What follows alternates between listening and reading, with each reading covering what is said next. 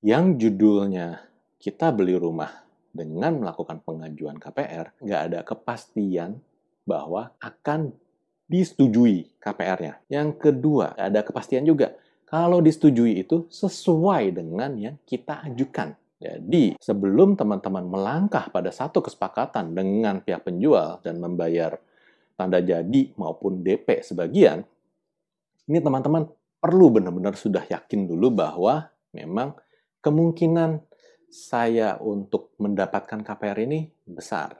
Ya kalau misalnya nanti disetujuinya kurang dari itu, bagaimana?